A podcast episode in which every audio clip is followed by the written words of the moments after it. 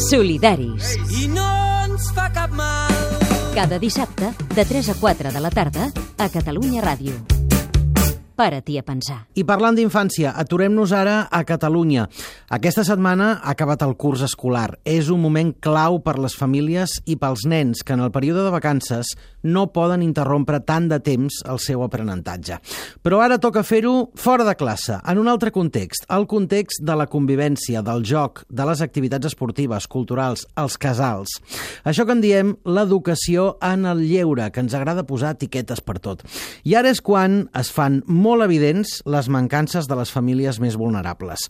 Els pares necessiten seguir treballant, no es poden permetre quedar-se a casa amb els nens i és quan més falta fan les entitats d'acció infantil i juvenil. Avui, el comentari dels que més en saben dels solidaris l'hem demanat al membre de la Plataforma per la Infància de Catalunya i director de l'Associació Educativa Itaca, Felipe Campos.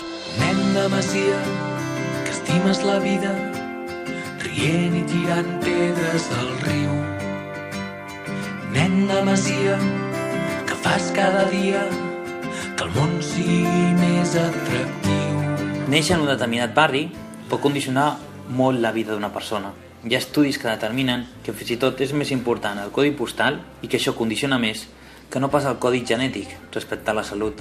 És per això que cal denunciar un cop més que la infància, en general, i els nens i nenes, en particular, amb noms i cognoms en barris d'alta complexitat, no tenen les mateixes oportunitats que d'altres barris, degut, en gran part, a que les seves famílies pateixen situacions econòmiques i socials molt complicades, en alguns casos fins i tot fregant l'emergència. I parlem de la situació de les famílies, perquè des dels solidaris volem cridar ben fort que no existeixen nens pobres. No ens agrada aquesta etiqueta, sinó nens que viuen en contextos de pobresa. Aquest context que dificulta que els nens i nenes puguin assistir i gaudir d'un estiu lúdic, d'aprenentatge, un estiu d'oportunitats, un estiu de vacances. En molts casos es paralitza el seu procés educatiu i la possibilitat de treballar amb els infants de poder reforçar la seva autoestima i capacitats. Avui ens agradaria posar el focus en el darrer estudi de l'organització social Educo, Natius de la crisi, els nens de la clau. Segons l'ONG Educo, l'estat espanyol hi ha prop de mig milió de, de nens i nenes entre 6 i 13 anys que es queden sols a les tardes a l'estiu. L'època de gran vulnerabilitat, segons els experts, és, i aquesta xifra fa por, un 66% més que el 2009. I el pitjor de tot és que seguirà creixent. Les raons d'aquesta situació passen per una situació econòmica i laboral de precarietat, amb pràcticament el nul suport familiar i la manca de xarxa.